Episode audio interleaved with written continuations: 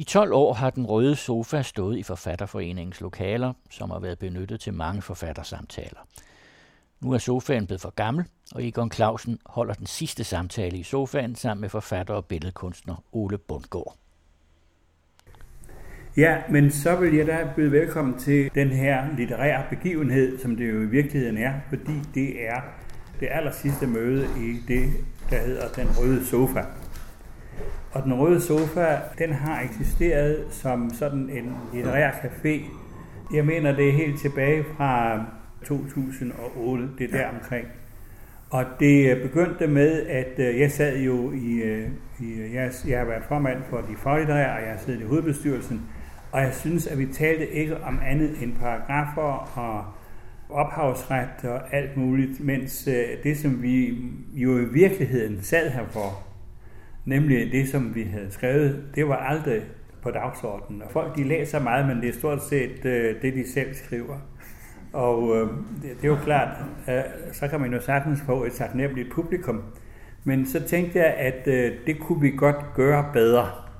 Og så skete der det, at øh, jeg havde et øh, sofasæt i rødt læder, øh, som jeg holdt meget, meget af. Jeg købte det hos en maskandiser i Nansensgade for nogle år siden. Og øh, da jeg ikke kunne bruge det længere, så spurgte jeg den derværende formand, om jeg ikke kunne sætte det ind på biblioteket her. Og det, det, det tøvede han øh, meget med at sige ja til. Altså i, i litterære krise, der, der kan de mærkeligste ting jo blive opfattet som nybrud, og det skal man være forsigtig med, og det var han i hvert fald. Men det endte med, at den kom herind og stå. Og samtidig så skete der jo det, at øh, den anden radio kom til verden. Og der har den røde sofa, de, de, de samtaler, som vi har ført med den røde sofa, de er blevet transmitteret der. Lige bortset fra en af de allerbedste oplevelser, som jeg havde, og det var med min gode ven, professor Mogens Krustrup, som øh, talte så mumlende, så teknikeren hun sagde, at det der, det er der altså ikke nogen, der kan forstå. Mogens Krustrup, han sad herinde der og fortalte om sit venskab med Morten Nielsen. Og den dag, han sad derinde, der, det armbåndsur, han havde på, det var det, som Morten Nielsen han havde haft på den dag, han blev skudt. Og den stok, som Rustrup havde med, det var den, som Morten Nielsen havde brugt, da han gik op i Tibirke Bakker og skrev digte. Og de to, de havde været så hjertelige venner. Og jeg blev også gode venner med Måns Krustrup, det vil sige, at han, han kaldte mig bror. Og, og øh, han havde en af de største oplevelser i hans liv, det var, at han havde set en måneregnbue. Og jeg besøgte ham, da han lå på det, der hedder det aller yderste. Og der, der, han kunne ikke se mere, så sagde han, er det, er det Egon? Så sagde jeg, ja. Så sagde han, bror. Og så sagde han, ved du hvad, jeg har set en måneregnbue. Og det var måske det sidste, han sagde. Men det er altså sådan nogle oplevelser, vi har haft i en rød sofa, og jeg ved ikke, der har jo været rigtig, rigtig, rigtig mange øh, danske forfattere, som har haft samtaler, og som har præsenteret sig selv og deres værker der. Og de ligger jo nu i den anden radios lydarkiv. Så hvis I vil høre, så kan I gå derind, og forleden dag, der genudsendte vi jo den samtale, som vi i sin havde med Jaja Hassan. Øh, han har også optrådt i en rød sofa. Så vi er i godt selskab. ja, jeg har glædet mig rigtig meget til den her samtale i den røde sofa med forfatteren Egon Clausen. Øh, vi skal have en snak om hans seneste bog, ja, Træ. Øh, Egon har jo 50 års jubilæum i år som forfatter. Egon, øh, hvad er det egentlig for en bog, den her, ja, Træ? Den her bog, ja, Træ, det er, hvis jeg skal sige det sådan, det er sådan en slags øh, farvelbog. Farvel og tak for denne gang. Det er, for mig er det et forsøg på ligesom at spænde en bue op over øh, det land, som jeg har levet i i snart øh, 80 år, som jeg har levet. Og, og derfor så spænder den over, øh, jeg kommer jo oprindeligt fra Vestjylland, og den spænder over Vestjylland, og jeg bor i øh, Charlottenlund, så det er to, man kan sige sådan geografisk set, er det to udkanter. Og der foregår så en rejse frem og tilbage, og så handler den også om at komme op i årene og ligesom kunne se, at øh, der er en port, der står åben for, for enden af vejen. Vidste du allerede, hvad det skulle være for en bog, da du startede Eller hvordan bygger du egentlig en bog op? Hvordan starter en bog for dig? Jamen det her, det er, det er noget helt andet, end det jeg ellers har lavet. Jeg har lavet rigtig mange bøger. Jeg, jeg tror, jeg, jeg, jeg har udgivet på Gyldendal, jeg tror, der er 25 eller sådan noget. Men det er, jo, det er jo ikke sådan noget som det her, bortset fra den, som jeg lavede sammen med Erik Hagens. Øh, der lavede vi jo Esbjerg Evangeliet. Det her, det er jo noget andet. Det her, det er en samling af tekster og erindringer og tegninger, eller billeder, som jeg også selv har lavet. Det er sådan en slags samling, kan man sige, en, en, en, et, et koncentrat måske af, hvem jeg er lige nu. Så det er blevet til på den måde, at jeg har kigget i mine arkiver, og jeg har talt på en tegning, og så har jeg jo lavet det hele selv. Jeg er fuldstændig vild med layout. Øh, jeg er ikke så god til det, men, øh, men det går da lige. Det skal vi også snakke om, for der er jo en tredjedel af bogen er simpelthen illustrationer, eller, ja. eller ikke illustrationer, nogle af dem er jo selvstændige billeder. Men lad os lige gemme det lidt. Lad os lige snakke lidt om teksten først. Nu er det jo en forfatterforening.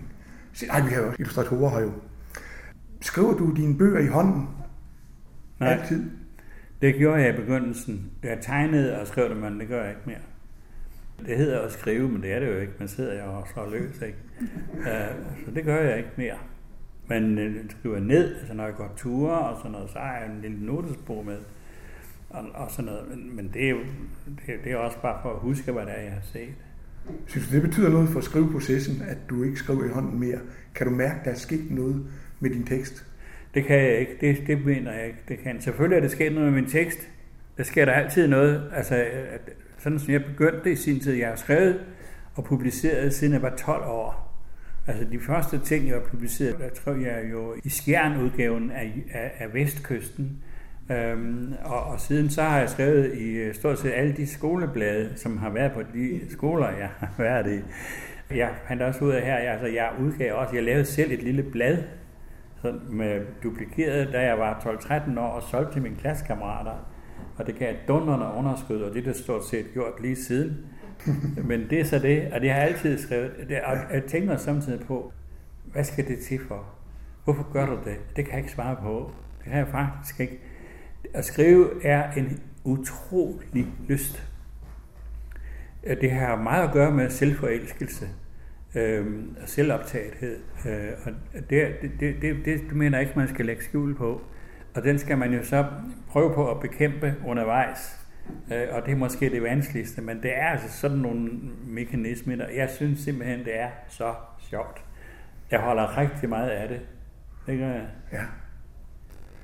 Du debuterede i 1970, øh, ja. eller blev 50 år siden år, med en, øh, en digtsamling, der hed Tilnærmelser. Ja, jeg har Ellers er det jo mest digtsamlinger, du har gjort det i. Det har faktisk været vidt omkring.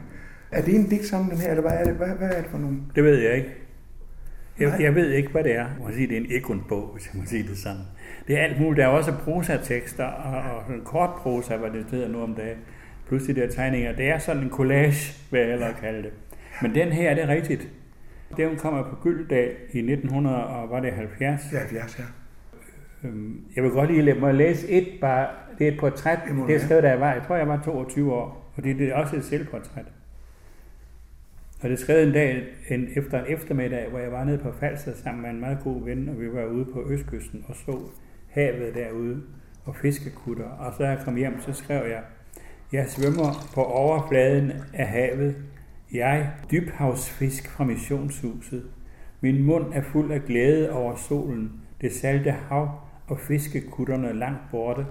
Men inde bag gældernes perleport ligger min længsel efter dybet, efter at holde fri fra glæden og dykke uhemmet ned mod mudderet, de klamme tangskove, hjertets kammer dybt nede under søvnens pulsslag. Det er et selvportræt skrevet af den 22-årige og det har stort set holdt lige siden. Ja. Jeg ved jo, hvordan din bog er bygget op. Ved du selv det? Nej, det ved jeg bestemt ikke. Jeg, jeg, jeg ved ikke, hvordan du vurderer den. Jamen, det var faktisk, øh, den, den er meget flot bygget op, nemlig. Øh, det, men jeg tænkte på, det er, jo ikke, det er ikke noget, du har tænkt over.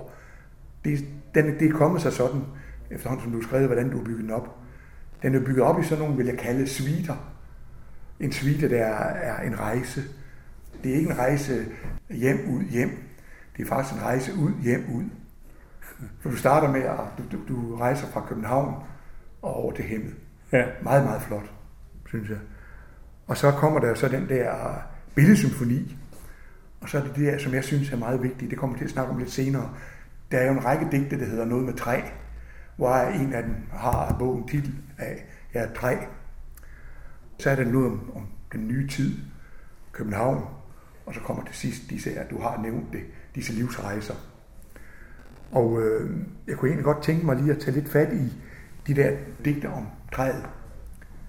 Hvad er det med det der træ? Jamen altså, det, hvis jeg, jeg har læst engang, eller hørt, at hvis man øh, går til psykiater, så kan man blive stillet over for den opgave og skulle tegne sig selv som et hus. Altså, hvad har du i kælderen, og hvad har du på loftetagen, og hvad har du i stuen, og hvad har du på de skumle nordsider og sådan noget. Og jeg tænkte, at hvis jeg skulle blive stillet op på sådan en opgave, så ville jeg sige, det vil jeg ikke. Øh, jeg vil meget hellere tegne mig selv som et træ. Fordi jeg synes, et træ, det, det er jo en levende øh, organisme, og den kan sådan sveje frem og tilbage i vinden, og øh, når vinden blæser igennem den, så, så er det jo et kæmpestort musikinstrument. Og der kan brække grene af, og det gør det jo i løbet af vores liv, så får vi jo forskellige sådan skrub, og der er også øh, grene, der brækker af. Men det kan vokse ud igen på en sådan en organisk måde. Og, og øh, et træ, ved du hvad, det er også, når man står og kigger op i et træ, så kan man blive helt sådan pap, og der er fuglene så op. Ikke? Og det synes jeg også, at der, jeg vil gerne have gæster. I må gerne komme op og spille og synge og have det rigtig godt. Og derfor er jeg træ. Jeg mener virkelig, at jeg er træ. Ja. Der er plads til ridder og ting og sager. Det, er det, der, det mener der, det skal være, men altså træ er jo levende organismer, og træer har jo også næsten former for intelligens, og de har en helt anden oplevelse eller opfattelse af tid, Altså nogle af de fyretræer, som, som går derovre i Vestjylland, de kan blive, øh, nogle fyretræer kan blive tusind år. Og der er vi andre jo bare sådan nogle døgnfluer, der går ja. rundt. Men altså, det, træer er vildt fascinerende. Jeg synes lige, vi skal høre titeldigtet. Og det står på side 50-51. Okay. Ja, jeg er træ.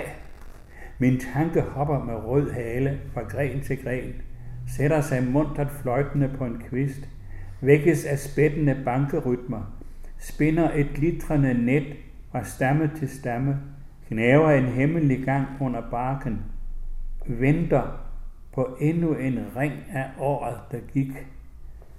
Kom og sæt dig hos mig i det flimrende lys fra alle mine år. Lyt til sangeren, der sidder i træet. Træet, det er mig. Jeg er dets rødder, dets stamme, dets grene, og blinkende bladguld. Jeg er sangeren, der sidder højt på den grønne gren og synger sammen med vinden, der strømmer igennem os. Jeg oplever også, at jeg er træ, men er det ikke Danmark, der er træ på en eller anden måde også? Det må Danmark der selv om. Det, altså, Danmark, det, det, det, det oplever du ikke? nej, det, det, det må Danmark selv om. Altså, det, okay, det, det, ja. Bogen er som du også har nævnt selv, en rejse. Men den er jo flere slags, forskellige slags rejser.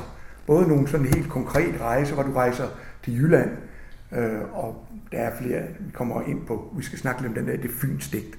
Men, men øh, den sidste del af bogen er jo en, også en, en livsrejse. Det er sådan set den sidste del af livets rejse.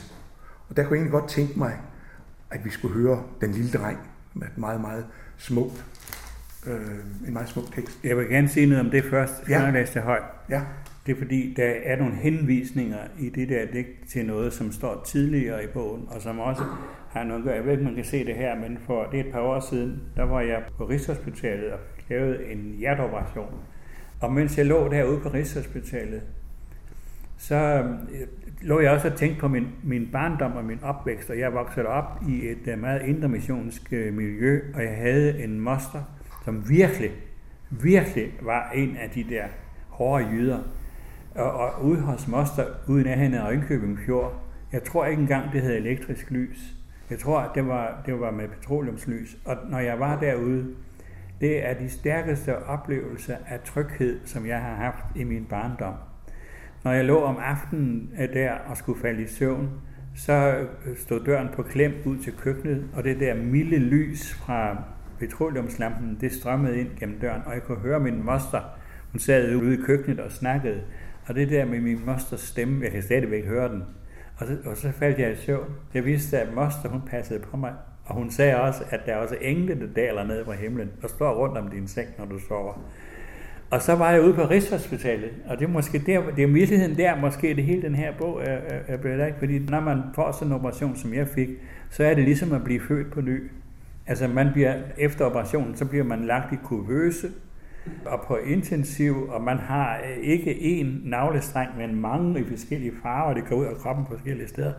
Og så efterhånden i løbet af den tid, så skal man lære alt det der. Man skal også lære at gå, og, og sådan noget, og, men de passer virkelig på en. Ja, og, og så en nat, øh, man skal bare rykke en, en, en snor, og så kommer der en af de der farerne for at sige, hvad er der galt, og der var en eller anden af de der navlestreng, der var faldet ud.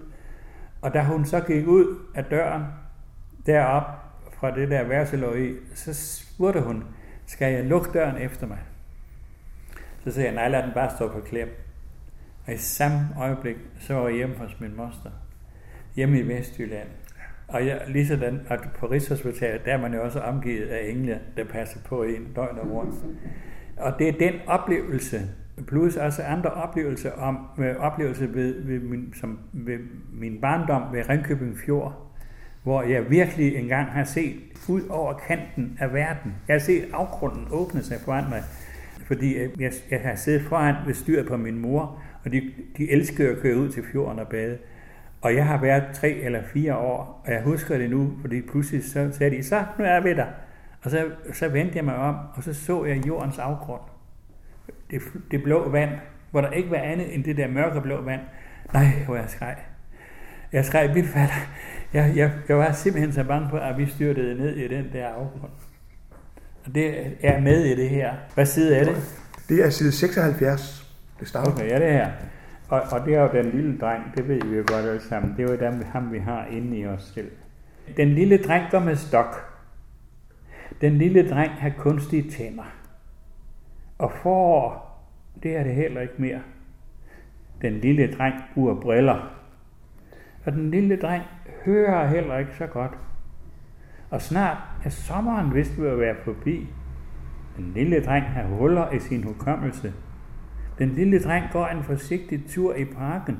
Nå, efteråret har åbenbart indfundet sig. Der er allerede sne i luften. Parken ligner et ikke afsendt postkort. Træerne står med julesne på alle grene. En gul villa har lys bag mørke ruder, som var nogen hjemme og ventede ham. Men hvad er der forude? Kortere dage med mørkere himle, stiger og veje belagt med is og træk fra en port, der står åben for enden af stien. Den lille dreng er træt.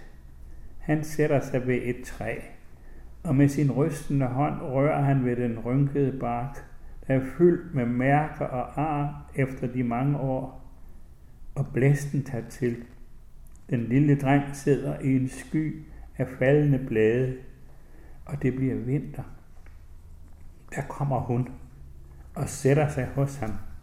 Hun ærer ham ømt over kinden, kysser ham på panden, rører ham blidt ved alle hans ømheds vilde steder og slår sine arme om ham. Han åbnes, og hun åbner sig. Med øjne fulde af tårer løber han lykkelig ned til fjorden. Vandet står glitrende blåt over afgrunden. Lyngen blomstrer, der er en duft af sorte bær, mens havet koger bag klippen derude. Og der kommer hans mor og hans moster og hans søster, og hende han elskede. Og alle hans strenge toner og lyset falder ind gennem den høje port, der står på hvid gab og tager imod ham for enden af stien. Det er den der sidste øh, række øh, livsrejsedigte. Den starter med den rejse fra København til, til Hemmet. Mm. Og det der, der er det der digt, det er sådan et, et humoristisk spark til fynboerne, der hedder Fyn. Ja. Det slutter af med en beskrivelse af en digter. Og det er en af de få nulevende personer, du har med i bogen. Og det er en gåde for mig, hvad han er for en. Hvad er han, hvad er han for en fyr? Ja, man kan sige, det er mig. Det, det er muligvis ja. også dig, men det er den digter, forfatter, kunstner, det menneske, som brænder op indefra, fordi han eller hun er simpelthen så optaget af det her.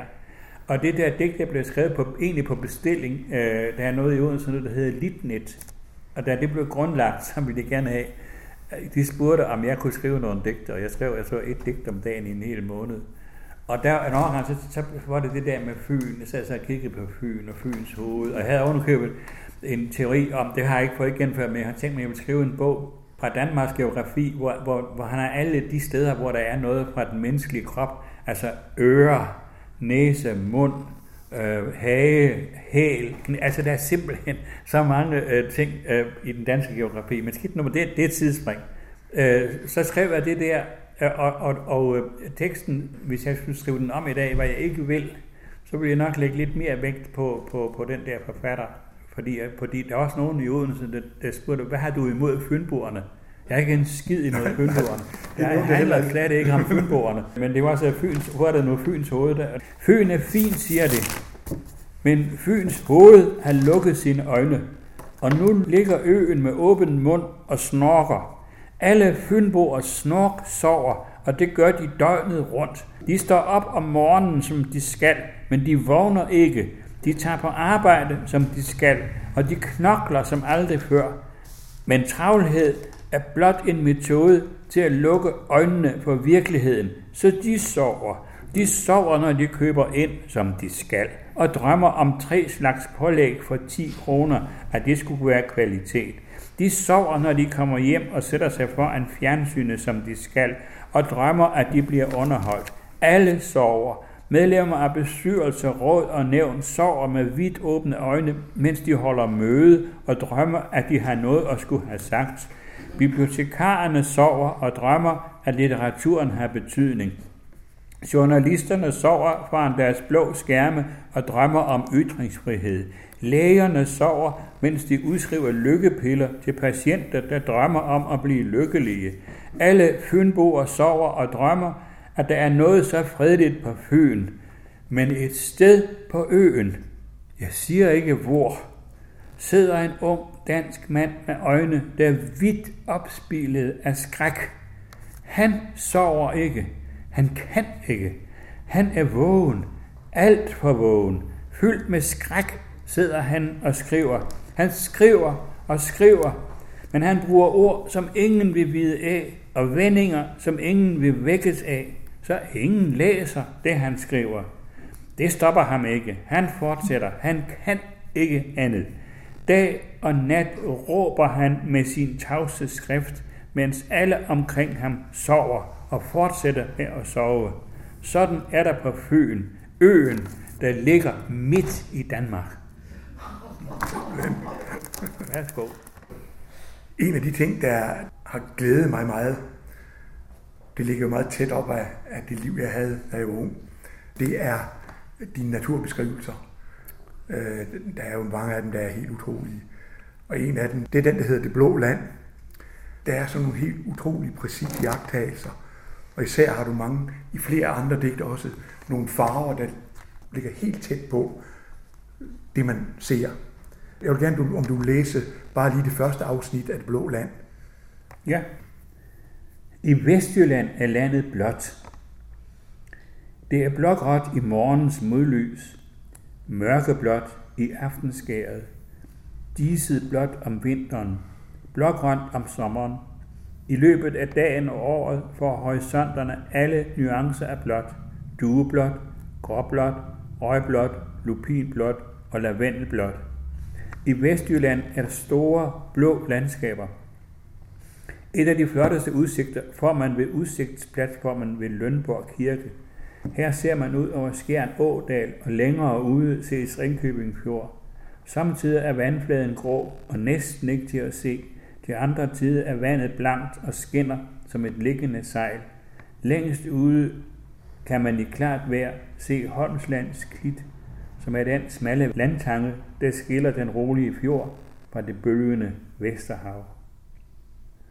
Det er min barndoms og ungdoms landskab, et rum fyldt med minder om lyst og smertepunkter om det, jeg er, og det, jeg engang var. Her er jeg hjemme på en måde, som jeg aldrig vil være det andre steder. Her er den faste grund, det flade land, Bakkeøerne og udsigten over fjorden til klitterne langt ude mod vest. Her er hederne og granerne, der grænser horisonten, og de lange engdrag med år og bække, der løber ud i fjorden. Ja. Jamen, jeg gør det jo også til et, et, et, et jeg gør det jo også til et sjæleligt landskab. Ja. Fordi, fordi det er sådan et landskab, man står op på en bakke, og så ser man fjorden, og så ser man det, der hedder det der Holbjørnslit, som er en meget smal landting, og så ligger Vesterhavet derude. Og når det har været stormvejr, så kan man høre brændingen derudefra. Og som barn og ung, der havde jeg nogle frygtelige syner af jordens under, igen undergang, hvor, hvor jeg følte, at, at der kom sådan en kæmpe stor bølge, en tsunami, som skyllede ind over det der, og, og, og, og, og, tog os alle sammen. Og så har jeg tænkt på, at jeg er vokset op i sådan et intermissionshjem, og jeg har tænkt på, at det her er en beskrivelse af, af den psyke, som, som drev disse mennesker. Og vi lever her i, i, ved den blå fjord, men det store, urolige og truende hav, det ligger længere ud, og det er kun adskilt fra os med en ganske smal bremme.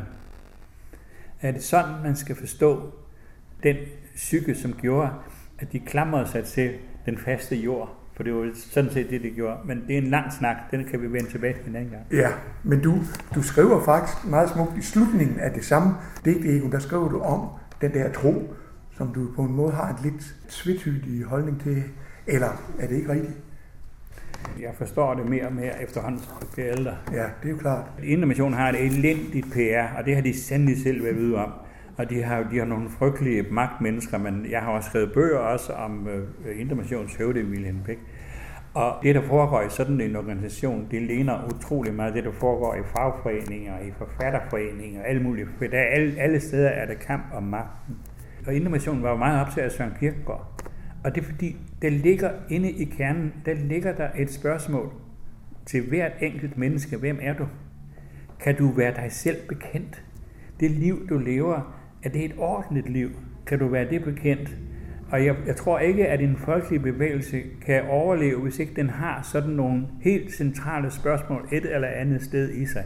Og jeg undskyld, jeg siger det, men det, det her, det, er altså, det, det kommer jeg jo ingen vegne med, men altså nu har jeg så sagt det. Der er jo som sagt en side, en meget væsentlig side i bogen, billedsiden, mm. som jeg synes, vi skal prøve lige at, at, at se lidt på. Du har jo før arbejdet med billeder i dine bøger, senest i Esbjerg Evangeliet. Ja. Der var det i samarbejde med billedkunstneren Erik Hagens. Ja, han sidder der. Det er Erik Hagens. Stor fan her. øh, men den her gang, der er billedkunstneren en, der hedder Eben Clausen. Ja. Hvorfor det? Jamen, det er fordi, det har jeg jo altid gjort. Jeg har, jeg har tegnet siden at kunne holde en pen i hånden. Det har jeg virkelig, og det er også en stor lyst. Nu bliver det altså ikke den vej, mit liv det kom til at gå. Hvis der i Vestjylland havde været nogle bedre uddannelsesmuligheder for folk med grafiske interesser, sådan noget, så, så var det muligvis sådan, at jeg har været, jeg har tegnet meget, jeg har været bladtegner, jeg har lavet tegneserier, alt muligt har jeg, og det, det, det, det var en, en, en, en effektiv måde at sætte sin øh, reputation over styr på. Jeg har i hvert fald haft meget fornøjelse af det. Og så her på det sidste, så var det, altså jeg, efter jeg kom hjem fra det hospital, vi har sommerhus i Blåvand, og så besluttede jeg mig for, at jeg ville bruge rigtig lang tid på at øh, færdes langs med Vardeå.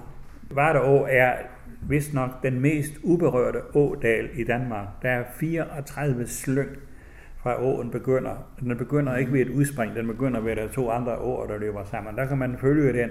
Og det, for mig var det en helt fantastisk oplevelse, at man i Vestjylland, at man får sådan en rig variation af alt muligt. Og det er hovedparten af de billeder, der er der, de stammer derfra, men der var også nogle illustrationer af, af de der med høns og kylling og, og, og sådan noget, hvad der ellers er. Hvad er det for nogle billeder, du har lavet, Egon? Du har malet? Ja, jeg har lavet nogle akvareller, det kalder jeg en vestjysk symfoni. Øh, første sats, den ser sådan ud, det er en øh, første sats for almindelig fredløs og grøftekant ved Oksby.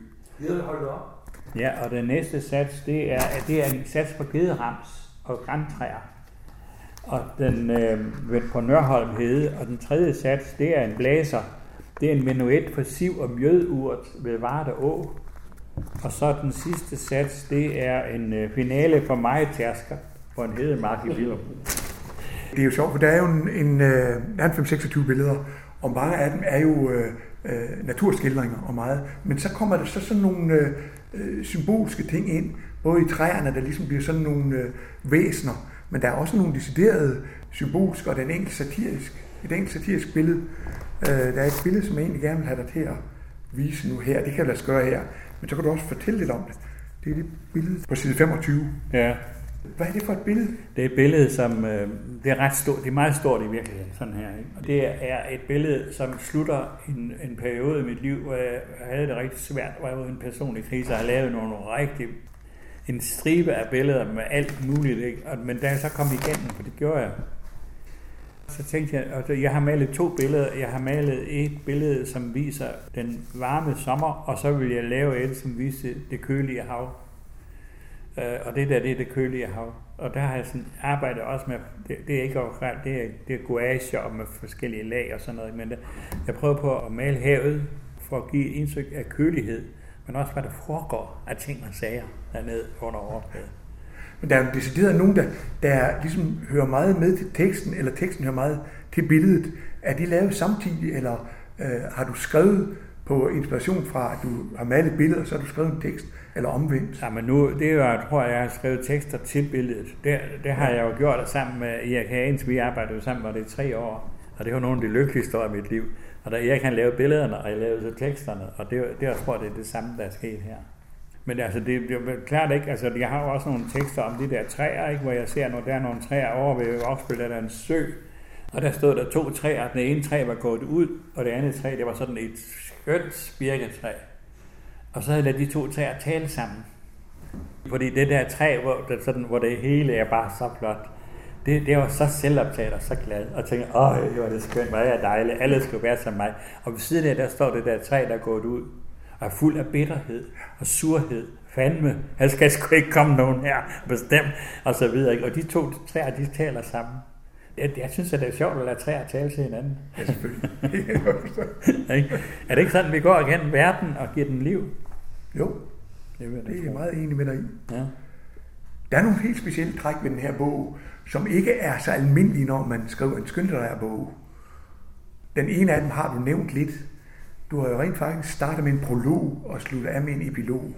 Jamen, det jo åbningen. Det jo fordi, jeg fortæller også på, det er også den der, hvor, hvor jeg sådan flyver hen over en anden mark. ikke? Og apropos det, så er der en anden ting, som jeg aldrig har set før i en skønlitterær bog.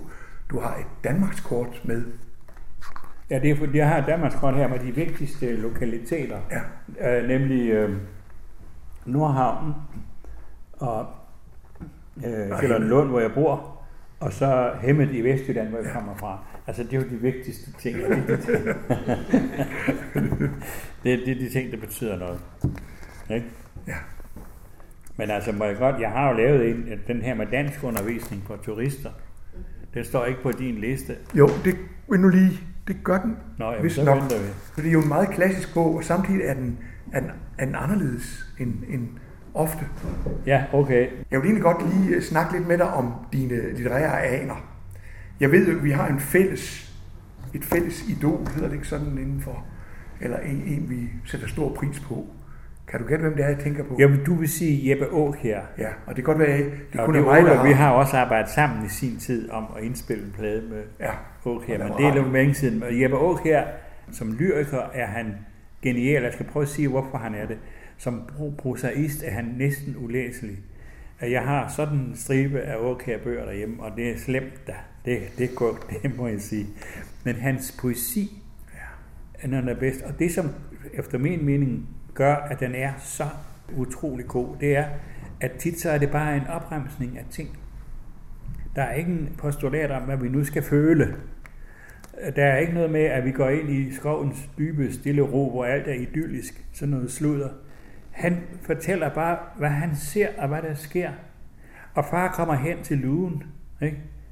og rækker mor sin hånd, og hun har spindelvæv, hun har hat af spindelvæv om hatten, og, og solen går ned, og storken står i reden, og viben slår et enligt slag, før den under frytlens tag folder vingen sammen.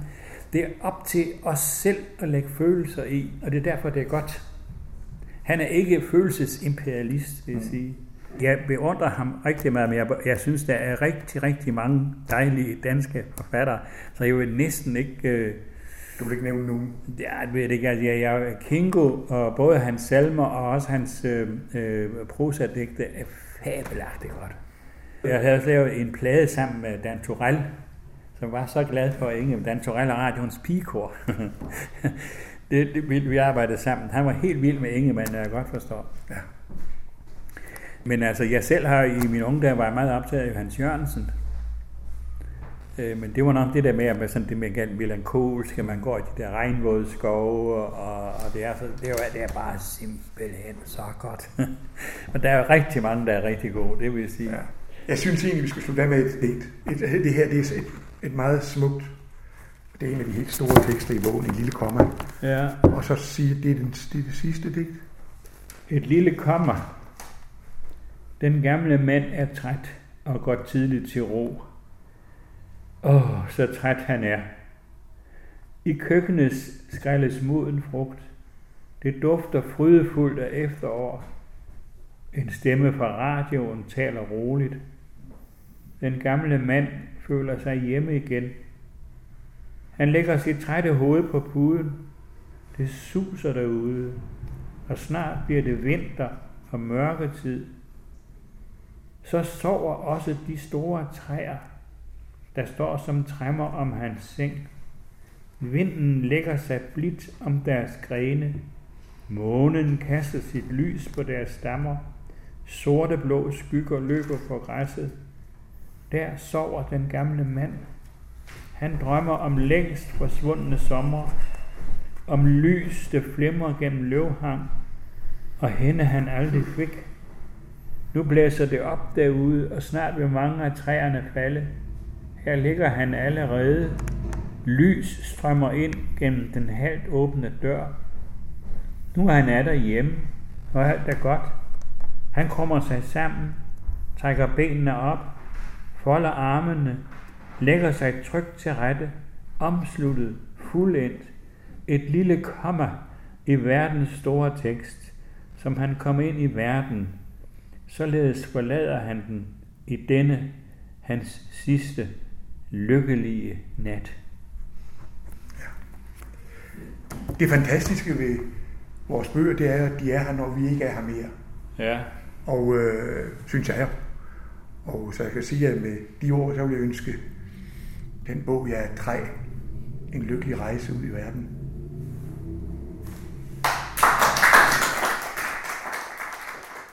Egon Clausen og Ole Bundgaard afsluttede hermed det sidste program i serien Den Røde Sofa. Men du kan altid finde de tidligere programmer på vores hjemmeside under rubrikken Serier.